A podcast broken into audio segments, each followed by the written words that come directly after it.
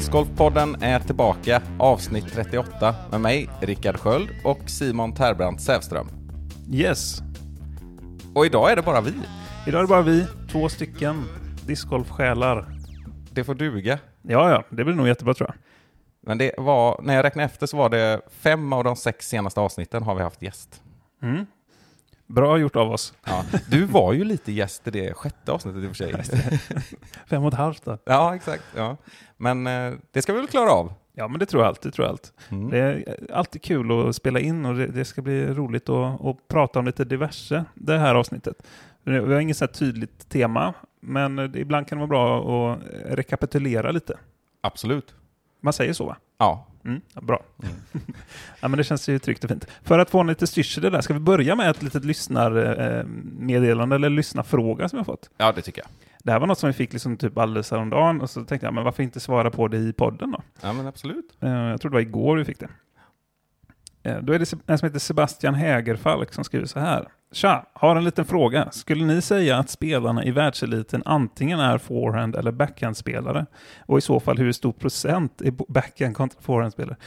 Det där sista är väldigt svårt att svara på. Ja. Eh, Men ja, en spontant svar till det här är ju att det finns ju de som är mer backhand-dominanta och de som är mer forehand-dominanta. Ja. Och det allmänt, allmänna är väl att säga att det är många fler som är backend-dominanta och, och, och tyr sig till det. För att jag tror att det, det, väl, det krävs nog att man har en backhand mer än det krävs att man har en forehand. Även om det mer och mer går åt att man behöver både och. Liksom. Precis så skulle jag säga. Och jag brukar alltid lite skämtsamt säga till folk att eh, backhand är det viktigaste när jag pratar med nybörjare och så. Ja. Eh, De fattar ju inte riktigt att det är roligt utifrån att jag är backhand-dominant. och Nej, Det nej. vet ju inte de. Men, Men du, Men- du skrattar inombords. ja, exakt. Men, men det finns ju en sanning i det också givetvis. Men Mm. det är också lika sant att för att vara på absoluta högsta nivån Mm. så tror jag också att då, det har gått väldigt mycket åt att man verkligen måste kunna båda. I någon mån måste du verkligen kunna båda. Ja, framförallt kanske i scramble-spelet och sånt kan det krävas forehand, men också liksom, alltså vissa hål blir väldigt mycket enklare om man har både och. Liksom. Ja, Ehm, Så är det ju. Men vi, vi kan ju ta några exempel här då. Det finns ju vissa tydliga backhand-dominanta spelare, framför allt då på touren. Och där har vi ju, eh, om vi pratar MPO, så har vi ju då James Conrad till exempel, är en sån person. definitivt. Det, det, affischnamnet för backhand-dominansen. på Ja. Han, eh, men han är väl lite som du, att eh, man kanske ser eh, en forehand varannan runda liksom, eller något sånt där. ja, max. Ja, men eh, för, för det händer ju ändå att man ser han kasta det, men då Ja. är det ju verkligen han mer eller mindre tvingas till det. Jag har faktiskt sett det från tee någon, någon enstaka gång också, men Ja. annars är det ju liksom om man ligger risigt till så Ja. och får straddla ut åt höger då blir det. Ja, och om vi blandar in mig i detta så var det ju faktiskt aktuellt i Helsingborg. Där var det ju faktiskt två hål där jag från 10 spelade den. Mm. Det är ovanligt. Det är unikt skulle jag säga. Ja, Jag skulle säga att det nästan inte finns något hål an- annars i Sverige som jag, jag känner att jag måste göra det. ja, och då är det NT Helsingborg du pratar om och det kan vi faktiskt återkoppla lite till alldeles strax. Mm. Vi kan slutföra det här resonemanget lite. Om, om jag tänker på MPO, FPO, absolut högsta, ja vad ska man säga, de som spelar på touren i USA, då, då kan jag bara tänka mig en spelare som är extremt forehand-dominant och nästan aldrig kastar backhand. Och det är Sarah Hoken. Ja, just det. Eh, och det finns ingen motsvarighet på MPO, vad jag vet. Nej, det gör det ju inte. Alltså det finns ju sådana som har varit eller kommer från någon sorts forehanddominans Greg tidigare. Barsby. Greg Barsby, kanske lite Jeremy Colling har Ja, den tendensen. Eh, Absolut. 16 är ju också en sån som har, som har en grundtrygghet i en forehand. Har han, får han välja mellan en backhand och forehand high så tar han en forehand high liksom. Ja, och sen är det faktiskt också Ricky Wysocki skulle jag säga är på den listan. Men det var så länge sedan så att man har glömt bort det. Mm. När han började slåss där med Macbeth och utmanade om VM-titlar, Mm. kan det ha varit 2014, 2015 och så vidare, och så vann han ju 16, 17. Innan där i alla fall, någon gång. Mm. Vi snackar ju nästan 10 år sedan, i alla fall 7-8 år sedan. Då, då var, ansågs han nog vara det. Sen så har han liksom bara täckt över det med en av världens bästa backhands. Ja, Nej, men så det är ganska intressant. Jag tror det är väldigt vanligt att man när man börjar i sporten att man tyr sig till det ena eller det andra. Så att Mm. säga. Att något känns mer naturligt. Och där kan det nog vara ganska 50-50 tror jag faktiskt. Ja, det tror jag också. Vad som känns mest eh, tryggt. Men däremot så är det nog vanligare då att om du är forehanddominant att du liksom tvingar dig till att, att jobba fram en backhand. Mm. Så som exempelvis Wysocka har gjort då, tills han nu har, mer har en världsdominant backhand också. Liksom. Ja, Eh, världsdominant var väl lite, men liksom Ja. en världsklass i alla fall. ja. Ehm, så, så tror jag det. Medan om du har en jäkligt bra backhand i början, Mm. då är det inte det krävs inte riktigt lika mycket att du måste jobba fram en bra forehand. Liksom. Nej, precis. Det är nog så. Men där pratade vi till exempel med Hagman om, att han, han var en sån som inte kunde kasta forehand i början sa han ju. Mm. Och sen så har han fått jobba fram en och nu har han en som ja, men är, är, är bra. Ja. ja, den är ju riktigt bra. Mm. Nej, sen som du sa, procentsatsen är ju svår att sätta på. Men jag har faktiskt räknat på det. Nej, jag har inte. Det hade varit sjukt. ja, nej, men jag tror också att det har, det har ändrats över tid lite grann. Eh, fast nu blir jag lite osäker. Jo, men du sa ju också att eh, man ofta börjar med det ena eller andra som är mer naturligt för en. Och Mhm. där har jag alltid haft en tanke att det borde vara ganska naturligt med forehand. Jag började ju med forehand Mhm. också. Eh, och jag tycker att det liknar mer liksom andra sporter och en kaströrelse sådär. Alltså en backhand, jag, jag föreställer mig att det är svårare att lära sig en backhand i, även i racketsporter och sådär. Mm. Men det, det, jag har, jag, verkar som att jag har utgått ganska mycket från mig själv där. Ja, men det, det redogjorde jag för för ett par avsnitt sen. Det Ja. här med att det liksom är naturligt att kasta en forehand. Så här, om någon ger dig en sten och ja, kasta så långt du kan, då, då kastar man ju typ som en Anheuser forehand. Liksom. Du kastar Mm. inte en backenheiser. Eh, Så det, det har vi varit inne på, att den naturliga kaströrelsen är, är ganska rimlig tycker jag. Liksom. Mm. Eh, Men av någon anledning så, så ger det inte så tydligt utslag i discgolfvärlden, i alla fall inte historiskt. Men som du säger, det har gått från en väldigt backhand-dominant sport till någonting som är mer 50-50 vill jag påstå, Mm. än det varit tidigare. Jag tror det börjar märkas på hål och ban och bandesign också. Ja, Eh, lite grann. Det har ju sällan varit ett problem om en backhand-dominant kan man säga. nej precis. Och vissa ställen lever det kvar, lite som Västervik till exempel, är ett klassiskt backhand-näste. ja, det är det nog faktiskt ja. Eh, får man säga. Alltså, även om det är högerhål så är det liksom du kan nå dit med backhand så att säga. ja. Vi är ju en stark trupp i den där b- bara backhand-laget. Ja, det får man ju säga. Jag tror att vi har svärda med oss i det laget, det vill jag påstå. Ja, Christian Bengtsson och Ja. eh, även Larsa, Thomas Ekström. ja gamla gardet. Ja. Han, fråga honom om han- vad han tycker om forehands har jag fått höra. Att det, han, han, han vill nästan inte kännas vid att det existerar tror jag. Äh, Strandraggarkast, Mm. finns det någon som säger. Ja, exakt. Ja, ja, Martin Rasch är en av dem också till Ja, exempel. just det. Mm. Precis. Men det är som sagt, ni dör ut snart. Ja, vi får liksom låtsas att vi skämtar mer och mer när vi pratar om det. Vi kan inte vara lika seriösa längre. ja, nej. Så är det. Ja, nej, men hoppas att du känner dig nöjd med att du fick något sånär svar på det här i alla fall, Sebastian. Så eh, jag tror inte vi kan grotta ner oss så mycket mer i det i alla fall just nu. Nej, har ni tankar ni som lyssnar så bidra gärna till eh, diskussionen. Absolut. Vi tar en jingel på det. Ja. Något som är lite speciellt den här gången också skulle jag säga, det är att vi spelar faktiskt in på onsdagen precis innan det släpps. Vi brukar ha lite mer eh, framförhållning. Ja, vi brukar köra söndag eller måndag vanligtvis. Ja. Och nu sitter vi faktiskt då uppe i Värmland och du har varit här i två dygn va? Eh, ja, tre dagar, två nätter. Så jag kom hit i måndags. Ja, och nu är det som sagt onsdag. Så jag, eh, jag har ju haft en liten tuff start på min, på min lilla tour kan man säga. Här.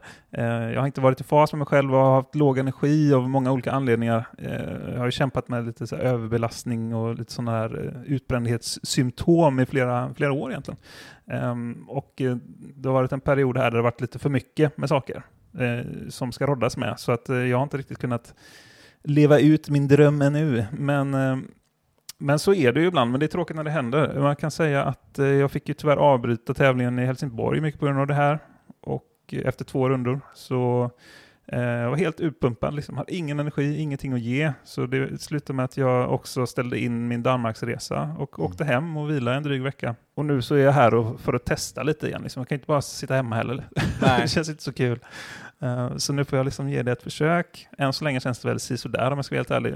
Också mycket på grund av att jag har råkat göra något med min axel nu också. Ja, Så jag har inte kunnat kasta idag. Men nu har jag liksom ett dygn på mig att känna efter och vila och så får vi se om det blir någon tävling för mig på fredag. För det är ju egentligen på fredag då som det här eh, drar igång Heatland Open. ja. vi sitter ju på Karl, säger man på Karlhyttan eller vid Karlhyttan eller i Karlhyttan? Eh, I och med att det är en IP så tror jag man säger på Karlhyttans IP då blir det väl. Vi säger det. Ja, Och, ja, det tillhör ju Filipstad i alla fall. Mm. precis. Östra delen av Värmland på gränsen till Närke blir det väl va? Ja. Eh, Du har österut Grythyttan, Hällefors Mm. och sen lite mer sydöst Örebro, ja. typ. Eh, Så det vet ni ungefär. Tre timmar norr, nordöst om Vänersborg i alla fall. ja, exakt. Och man märker ju också på, man märkte på naturen när man körde hit, jag som har det färskt eftersom jag kom ganska nyss hit. Mm. Eh, någonstans liksom eh, förbi Karlstad så börjar man känna nu, nu är det värmländska skogar här. Så, här. Ja. så här ser det inte ut i Västergötland i alla fall. Nej, man känner nu, nu är man på eh, Elina Rydbergs hemmaplan här. Det är Ja. tallar och granar överallt. Exakt.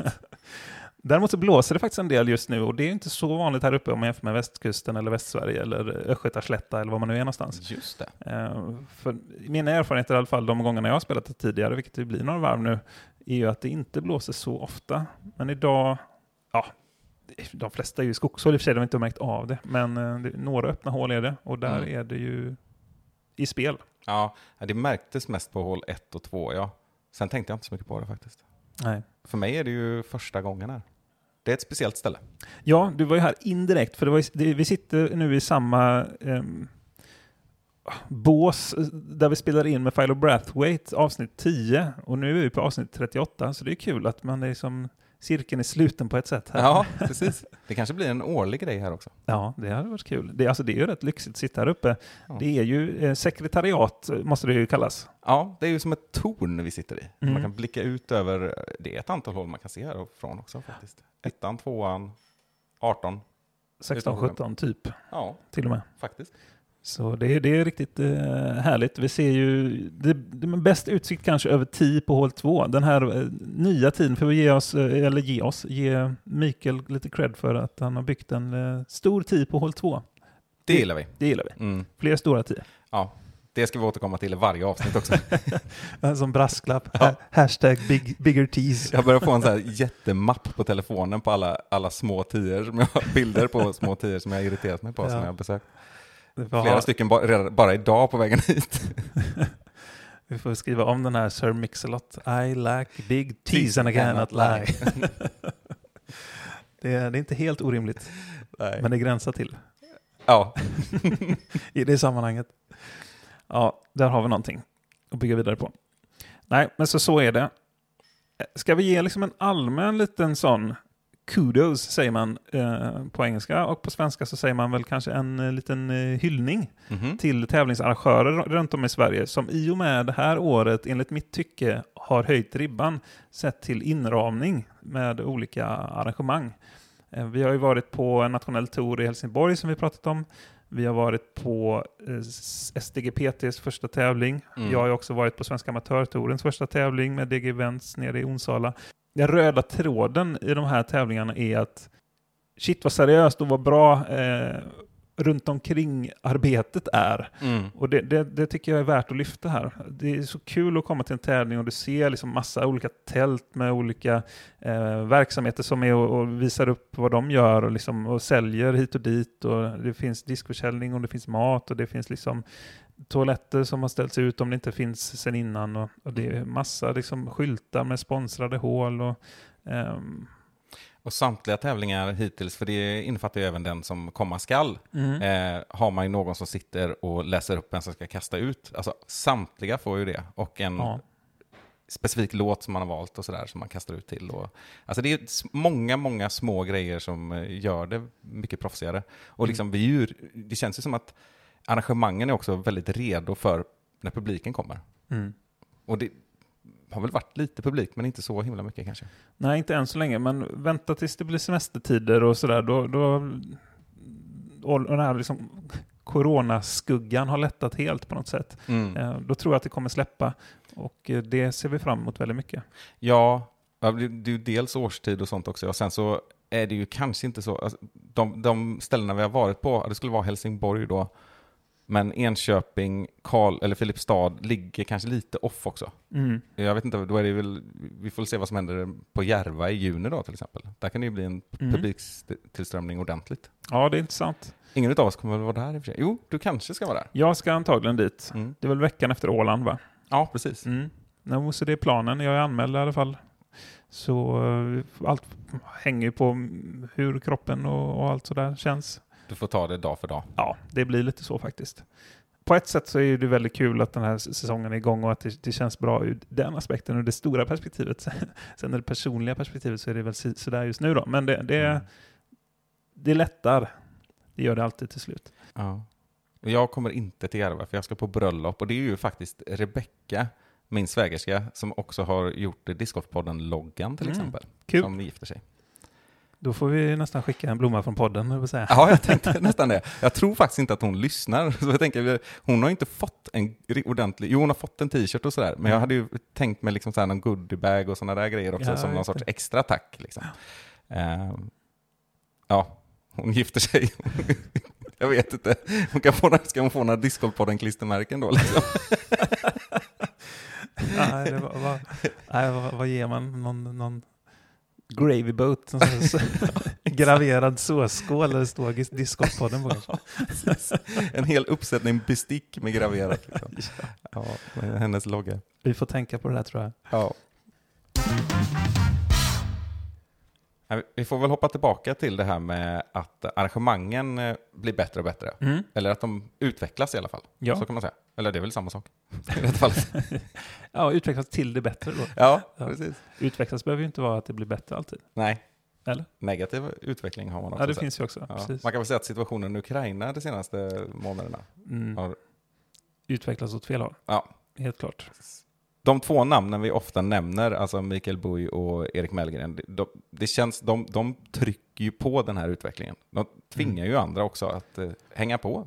Ja, jag tror också det är mycket de vi har att tacka.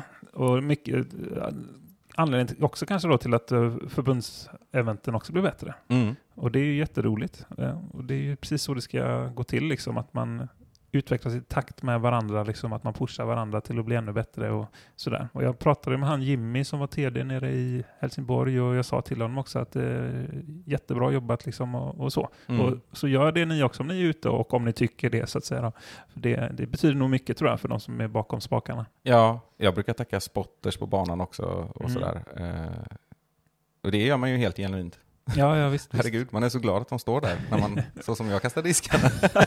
nej, men, eh, nej, Jimmy Torin och Dennis Igelström och de andra Precis. nere i Helsingborg ska ha stort cred. De har Verkligen. lagt ner, uppenbart lagt ner eh, mycket arbete och offrat mycket sömn. Precis Ja. som vi märkte Mikael Buj i, eh, i, uppe vid Lundbyparken. Mm. Var, han var ju ute konstant där. Ja. Eh, överallt, hela tiden och fixade saker. Det är mycket arbete bakom. Och det måste jag ju säga, Lundbyparken var nog det bästa arrangemanget jag har varit på. Proffsigaste Mm. i Sverige, Häftigt. definitivt. Och eh, Helsingborg har ju, har ju fått mycket hyllningar också för banan. Mm. Helt välförtjänt, eh, enligt mig också. Eh, sen när man säger den bästa banan en NT har spelats på, Mm. då har jag tänkt, ja, men nu glömmer man bort att det ändå spelats på Ale Vit Mm. NT. Just det. Och då, det tror jag folk har glömt bort. Och det är tufft med den konkurrensen. Eh, Ja. Sorry Helsingborg, men för mig är det svårt att säga att... Mm.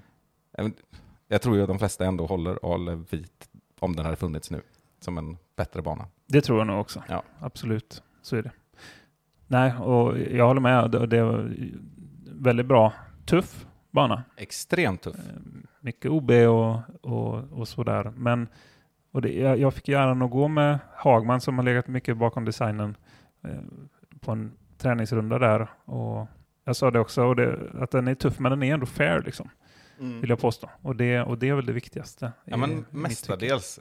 Vi behöver inte gå in på detaljer, men det, fanns, det finns ju några små grejer. Men det hängde ihop med det här att det, det fanns ju fairways som låg väldigt nära varandra och eh, normalt sett finns det inte OB däremellan.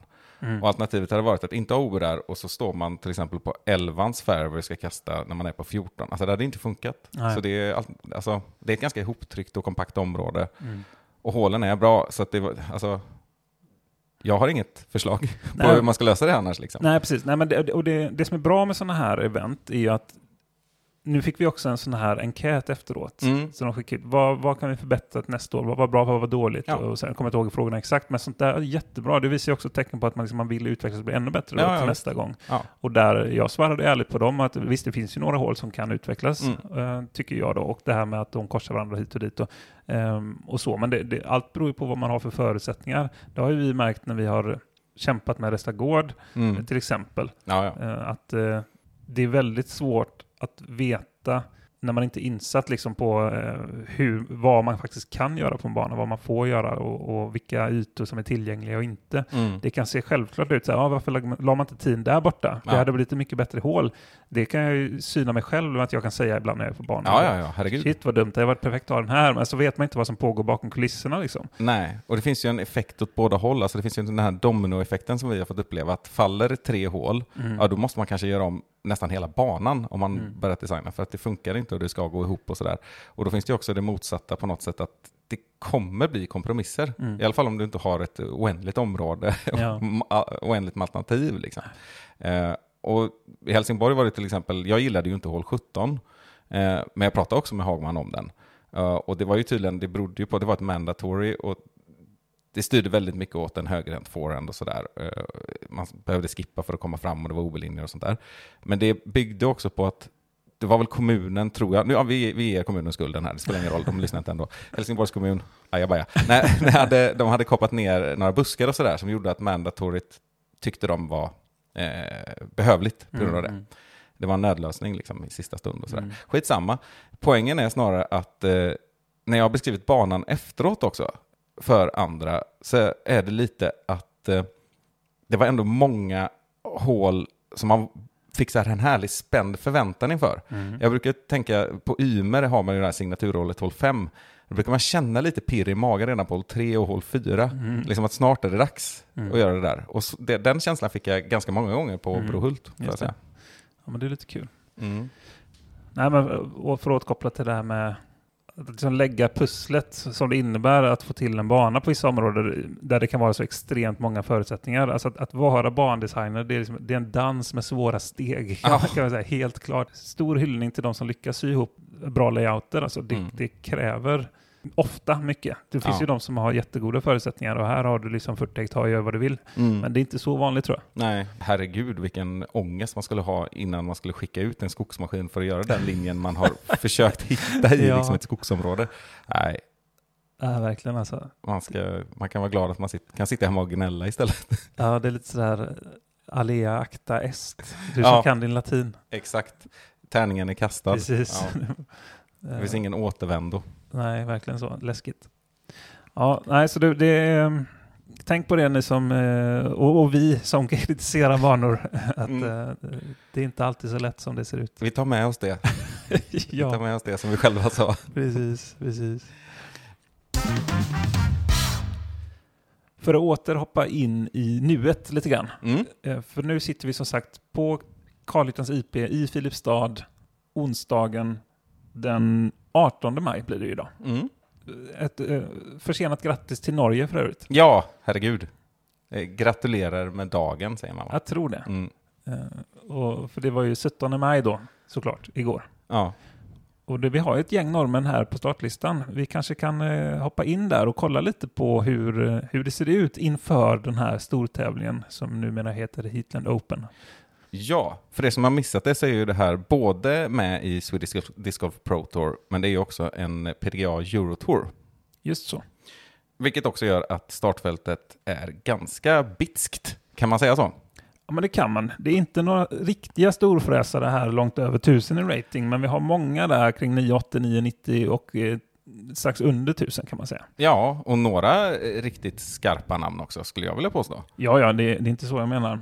Det är, det är väl det kanske att amerikanerna saknas helt enkelt. Annars är det ett starkt europeiskt startfält och ett starkt svenskt startfält framförallt. Ja, och vi har ju bland annat då eh, tjecken Jakub Semerad, ursäkta uttalet, men eh, det är ju ett riktigt starkt namn. Jag tror att han har varit över i USA och spelat nu också. Just det, han är nog högst ratad av alla va? Som är med. Eh, Ja, 1015. Mm. Eh, en relativt ung kille. Han gjorde ju ett intryck även under förra årets EM, vill jag påstå. Ja, verkligen. Han är ju också kvalificerad för USDGC om jag inte minns fel. Jo, det är genom en av de här Eurotoursen tror jag. Ja, är nere i Kroatien Mm. vann han. Vad har vi mer? Jo, vi har ju några som vänder hem förmodligen lite en sväng. Till exempel två norrmän. Knut Valen Håland har dykt upp även i podden förut tror jag, och Peter Lunde. Nej, inte Peter Lunde va? Är han inte med? Tror inte det. Men Däremot Håkon Kveset är med va? Han skulle vara med, Peter Lunde. Då har han hoppat av. Så är det nog då. För Mm. visst är han inte med på listan nu? Nej, det är Nej. han inte. Du har helt rätt. Vi har ju faktiskt en lista som vi kan kolla på. Även Håkon Kveset, för er som inte känner till honom, han är, har ju ett förflutet i uh, friidrotten och är ju för detta, eller kanske till och med aktiv eh, spjutkastare. Ja, Och det är ju mer vanligt i Finland. Det har man hört om de som liksom kastar sådana här tomahawks eh, 130, 40, 50, 60, 70 meter. mer specifikt Ville Pippo. Ja, men han är ju inte ensam. Nej, Utan det är som vi pratade om i avsnittet eh, där Randy, eller Rauli var med, och Nico Lucastro, så var vi inne på en annan person som jag inte kommer ihåg namnet på nu. Kommer du ihåg det? nej, det var ju någon ny storfräsare va? Ja, som också var en spjutkastare. Då. Ja, Eh, Men hur som helst, de- de finns och de finns även i Norge bevisligen. Då. Så han, är, eh, han har ju en slägga. ja, och jag vet att han tävlade för Norge i något sorts sammanhang så sent som förra året. Ja, det stämmer nog. Och vet du vad som är roligt med honom? Att han har ju lagt in ett eh, city i... eh, man kan lägga in vilken stad man kommer från i PDGA och eh, han kommer tydligen från Birdie Town. Ja, det gillar vi. Bra där Håkon. ja, det var roligt. Nej, och vi ska inte hoppa över tyska Jerome Brown, 1013 ratad, och så Anders Svärd. Han kan man aldrig räkna bort. Nej. Sen är, finns det en massa duktiga finnar som vi inte vet så mycket om. Och så har vi Hagman, och vi har Willman, och vi har Josef Berg som är färsk Kokkedal-mästare. Ja, precis. Han har ju verkligen hittat formen nu, Josef, och det är Mm. så kul att se. Och jag tror han har jobbat mycket med att det här med eh, det mentala och hålla fokus och, och sådär. Jag pratade lite med honom på Helsingborg, Mm. där eh, det stundom inte gick riktigt lika bra för honom. Nej. Men eh, ja, han verkar verkligen vara eh, bra på det där med att liksom släppa eh, de dåliga tankarna liksom, och, och titta framåt och, och sådär. Men det, det, nu har jag en liten rolig anekdot här Ja. faktiskt. För det är ju så, Josef Berg vann ju som bekant eh, före Locastro på första Swedish Disc Golf Pro Tour. Yep. Sen gick det dåligt i Helsingborg och sen vann han Europatouren då, som var nu i helgen, Ja. Kokkedal. Och innan Lundbyparken så gick det också dåligt på, i Köpenhamn, har jag mig. Ja, Hyfsat. ja, det var väl mittemellan Eller det kanske var framförallt första ja, rundan som var dålig, så kanske det var. Det var nog, ja, precis. Det var nog Nu ska variation man inte mellan slänga sig rundorna. med, med vad som är bra eller dåligt för andra spelare, men, men ni förstår vad vi är ute efter här. Kanske. Ja, men jag, jag tror, eh, alltså nu var det, jag pratade med Christian Bengtsson som också dyker upp i podden ganska ofta utan att han är med. Eh, men eh, det var väl apropå någonting att jag hade spelat lite över förväntan eller någonting, att jag hade studsat tillbaka. Ja. Eh, det kan vi lämna därhän, men då jämförde han väl eh, lite grann med Josef sådär. Och han, han skojar, de spelar ju par-SM tillsammans också, Mm. de har ju ett silver, om jag inte minns fel. Mm. Eh, och de ska ju spela även i år. Och det är ungefär den tävlingen Christian Bengtsson ska spela i år. Han har lite problem, skadeproblem och sådär. Han, han, hade, han, han sa att han hade försett sig, han hade bett Josef skicka sitt spelschema så att han var säker på att det var en sån varannan tävling som var bra. han sa att det stämde utifrån spelschemat, så han kommer spela skitbra på par-SM. Ja, Så nu vet vi det. Det, kommer, de, kan, de är att räkna med på par-SM helt enkelt. Ja, ja, jag anar att det var den spaningen du var ute efter. Ja, Eh, Så, ja, men det är kul. Men förhoppningsvis, för, vi får hoppas att han hittar till att varje tävling blir bra. Ja. Och det tvivlar jag nästan inte på. nej, det tror Eller- inte jag heller. Jag tror, jag tror definitivt att han kommer vara mycket jämnare. Men på tal om Christian eh, Bengtsson, han har ju varit lite av en fadder för dig i många år och Ja. han har väl även nu då kanske haft, fått lite känningar även för mig, höll på att säga. Fa- liksom mentor och eh, orsaken till psykologiska trauman. Han ger och han tar. Han ger och han tar. Han är eh, också nämnt tidigare Sveriges bästa psykare. Så till och med, jag har ju spelat partävlingar med honom och Ja. han har psykat ut den. Liksom. Ja, han, kan liksom inte hålla sig i den jäkeln. Han är rolig. Ja. Men han, eh, han följde oss båda i, i, på Lundbyparken och i NT'n och sådär och skickade lite kommentarer hit och dit beroende på hur det, hur det har gått. Men jag har ju bara gått käpprätt neråt i varenda tävling. Men, Ja. och, och så, så han har ju blandat och gett i kommentarer. Men jag, jag tänkte, han, han, han spelade in ett par kommentarer och skickade till mig. Jag, nästan, Ja. jag måste nästan spela upp Ja, vi, det gör vi. Så gör vi. en av dem här i alla fall. Ja. Den som jag fattar tycker för mest här. Mm. Hoppas du överseende med den här Christian. det får han ha.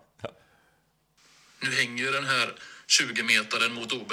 Inga problem. Det är liksom, det är både att han är välvillig och peppande men också extremt psykande. Menar han det här? ja, exakt. Precis. Ja. Ja, nej, så jag, jag vet inte om jag tog till mig det eller inte, men jag uppskattar det i alla fall. Stort tack Christian. Ja, tack så hemskt mycket.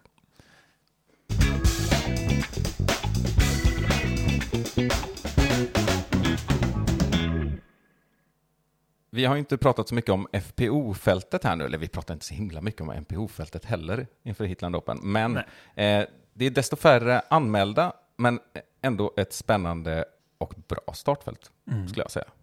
Bland annat har vi ju Anniken Sten med då, norskan som också vann Kokkedal Open. Ja, det är kul. Eh, och jag sprang ju på uh, Rut uh, Schlissel, tror jag kanske man uttalar det. Mm. Som eh, vann någon NT förra året vill jag minnas.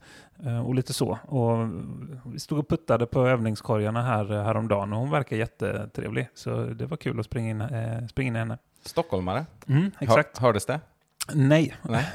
hon, eh, vi pratade mest engelska men eh, lite svenska också. Mm. Eh, Jag tror hon, hon spelar för Kaknäs, den klubben med den ganska nya banan där. Aha. Så det var ju lite kul. Jag visste knappt att de hade en klubb faktiskt. Nej, exotisch. Ja, precis. Så, äh, så det var kul. Var det. Nej, men annars då, om vi ska sammanfatta lite och, och, och avrunda lite här kanske, så, så kan man väl säga att det är, det är en helg som blir väldigt spännande i många aspekter, även vädermässigt. Mm. Det har ju varit en solig start på den här säsongen och det har varit så även under starten på den här veckan. Eh, Sen så, så säger väl vädret att det kan bli en hel del regn och även lite blåst. Men än så länge ser det ut att vara mest på nätter och morgnar, så kanske att vi klarar oss eh, ändå. Men det, det blir intressant det där, för jag ser ju inte fram emot att spela i regn. Nej. Får vi se om jag överhuvudtaget kan spela med Axel och annat, men, men eh, jag får ta det timme för timme här. Jag vill bara flika in att enligt Yr så ösregnar det just nu. Aha. Men titt, genom, eh, tittar man genom fönstret så gör det inte det. Nej, det eh, inte en enda droppe. Förhoppningsvis är det så det kommer vara med väderleksrapporten, att vi får det bättre. För det, vi har ju som sagt det är lite, lite risk för regn här under helgen, enligt rapporten. Ja. Men det får vi ta efteråt. Det gör vi. Vi får, eh, vi får se var det landar. Ja. Och eh, vad har du för förväntningar på dig själv och på den här tävlingen, Rickard? Ja, man ska ju spela också. Det är... Eh, jag gick ju igenom ett snabbt varv här med dig nu. Jag har inte varit där tidigare. Jag känner väl inte omedelbart att det är en bana som passar mig jättebra kanske. Nej. Men det återstår att se lite. Men alltså, det är ju en tuff bana. Mm. Det kan vi vara säkra på. Det såg vi också på Swedish Disc Golf Amateur Open förra helgen. Precis. Paret landade ju på, vad sa du, 9,85 någonting? Eller över 9,80? i alla Ja, något i den stilen. Jag kommer Och- inte ihåg exakt nu. Och så det får vi se om det kommer. Det blir intressant att se när man får det här så svart på vitt Mm. med låg, lägre ratade spelare kontra högre ratade spelare på samma bana. För det är väl ändå samma layout? Ja, det måste det väl vara. Ja, men det ska det vara. Ja, precis. Och då, så då, då blir det väldigt kul att se den jämförelsen. Ja, Nu får väl, om det blir samma väder eller inte, det återstår att se då. just. Men eh, om det blir ungefär samma väder, då får man ju det väldigt tydligt att se om det ger något utslag så att säga, beroende på fältet. Nej, och sen, sen är jag helt övertygad om att det här är en bana som eh, de i toppen kommer kunna gå ganska lågt på. Mm. Men samtidigt så paret känns habilt på något sätt. Vad jag nu menar med det. Men över, i, i rating borde det ligga över vad paret låg då. Visserligen förvånansvärt lågt i Lundbyparken kanske. Mm. Eh, och närma sig Helsingborg-paret då, eh, ratingparet. Men, Ja. eh, men det, det kan ju hända så mycket här. Det finns en del mandatories och OB-linjer och det ena och det andra. Och blåser det och regnar man halkar. Ja, nej, det, Mm. Det kan gå dåligt. det, det är min spaning inför varje tävling. Ja. ja, men det är en sån här bana där man liksom så här, man går kanske 10, 12, 14 hål, ja men det här, det här, Mm. var, inte, det var inte så pjåkigt, och sen bara boom! ja, exakt. Mitt i nyllet bara. Kommer hela Karlhyttan. Quad bo- boogie liksom. ja, exakt. Eh, Så ja, det, det, det kan bita ifrån när man minst anar det. Ja. Så är det, så är det faktiskt. Och eh, det är väl lite det som är min sådär, käpphäst också, just att, att klara att hålla fokuset i 18 hål. Mm. Och det är nog allmänt svårt på en sån här bana. ja. Inte bara för mig. Ehm, faktiskt. Och det var kanske samma med NT'n kan jag tänka mig också i Helsingborg. Ja. Också en sån bana liksom, där som du får grinda dig igenom. Liksom. Ja. Nej, och där måste jag ju säga, där har jag ju en liten spaning gällande just mig själv. ja. Jag har ju haft extremt dåligt att hålla ihop det i början av rundorna. Eh, det var ju tydligast kanske när jag gick där i feature card med Nicolo Castro. ja. Men det tråkiga är att det hände ju samma sak dagen efter på Lundbyparken. Jag låg ju plus 4-5 efter 3-4 hål igen. Och sen så skärpte du dig liksom. Ja, ja precis. Under rundan. Ja, lite grann så i alla fall. Det tog ju 23 hål för mig på den tävlingen innan jag gjorde min första birdie då. Mm. Men det var ju samma sak i Helsingborg också. Jag gick ju tredje rundan gick jag på minus 1, vilket ju var bra där. ja. Men jag låg plus 4 efter tre hål liksom. ja, det här eh, känt från podden, kettlebell-hålet, hål 3, var Ja. inte din kompis. Verkligen inte. Herregud, jag Kort gjorde ju... brant hål. Ja, jag, jag måste varit sämst av alla hela startfältet på det hållet. Jag gjorde dubbelbogey, bogey, dubbelbogey. och en, en bogin var välförtjänt. Men första, ja jag vet inte. Jag la ju fram mig och så på en av de här. Ja, och rullade. Ja, och rullade. Och så rullade jag 20 meter åt sidan och sen OB dessutom. Den landade ju liksom vikarien eller två Ja. meter innan och sådär.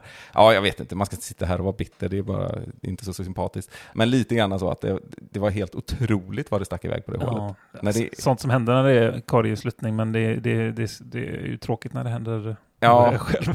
Ja, men det är också tufft på en, på en bana som som sagt har, det, där det är tufft att gå på par överhuvudtaget. Ja, och så är det typ det kortspel, det är hålet som överlägset spelas kortast av alla liksom. Ja, exakt. Ja, det är, som, det är bara att ta trean egentligen. Mm. Och det var ju det jag försökte göra i det exemplet då också. Eh, men att liksom hamna så mycket plus i starten då. Jag låg ju plus fem efter fem mål på andra rundan också. Gick, ja, Mm. gick väl, jag förbättrade mig i alla fall. Men minus ett var ju bra. Jag, fick, jag tror jag fick 9,88 eller något sånt där rating för det. Men då, då kämpade jag mig tillbaka från plus fyra eller plus fem. Ja. Liksom. Så sista 15 hålen var ju bra. Ja, Jag gick ju-. Jag gick ju minus fem eller någonting på dem då. ja. Det är ju synd. Så att jag, jag, det, det är nästan varje runda som det har varit så här tung, tungt första fem hålen. Och jag har ingen förklaring till det. För det, jag känner inte att det är, sån här, det är en anspänning på det sättet eller, eller så. Liksom. Och det tråkiga här är att på den här banan så är ju hål 1 och 2 inte riktigt de som talar till mina styrkor just nu. Nej, det är sant. Så att, eh, överlever jag dem med par, det ska jag nog ha som fokus på fredag. Ja, och där kommer man inkludera trean också. Ja, faktiskt. Jag kommer nästan inte ihåg vad det är för. Det med Ja, just det. flex om man vill parka liksom. Ja, nej. Om, ni, om det är någon som tycker det här är intressant, så gå in på King på fredag och följ min runda och se om jag lyckas med paret på 1, 2, 3. Då kan det vara något stort på gång. Hold your horses. Ligger jag plus 5, det kan fortfarande bli okej. Ja, vi skulle spela ett par du och jag här, för jag är ju helt tvärtom då. Jag, Ja. jag, jag har historiskt spelat liksom bra fram till och med hål 15 och sen skiter det sig. Ja, precis. Då kan jag ta vid. Ja, Ja. precis. Ja, men det låter väl eh, bra då. Mm. Ska vi nöja oss så för den här gången? Lite kortare avsnitt nu, men det är också eh, lite kort varsel med, med redigering och annat. Ja, precis. Det, du får ju sätta dig nu. Ja, det blir eh, rätt upp med redigeringsdatorn här. Vi får försöka ta någon bild här ute också innan ösregnet kommer som vi säger redan finns. Ja, precis. det gör vi. Men eh, vi återkommer med fler rapporter härifrån. Kanske kan vi hitta någon gäst också. Det här var kul. Vi får rota fram någon här i, i Filipstad. Mm. Det, det, det finns många discgolfare här just nu i alla fall. Ja, Så är det. Tack så mycket. Over and out som Nico hade sagt. ha det bra. Hej. Hej då.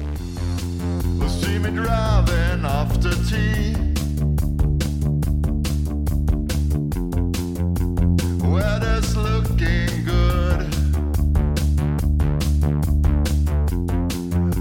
Got a disc bag full of tricks. Yeah, I got them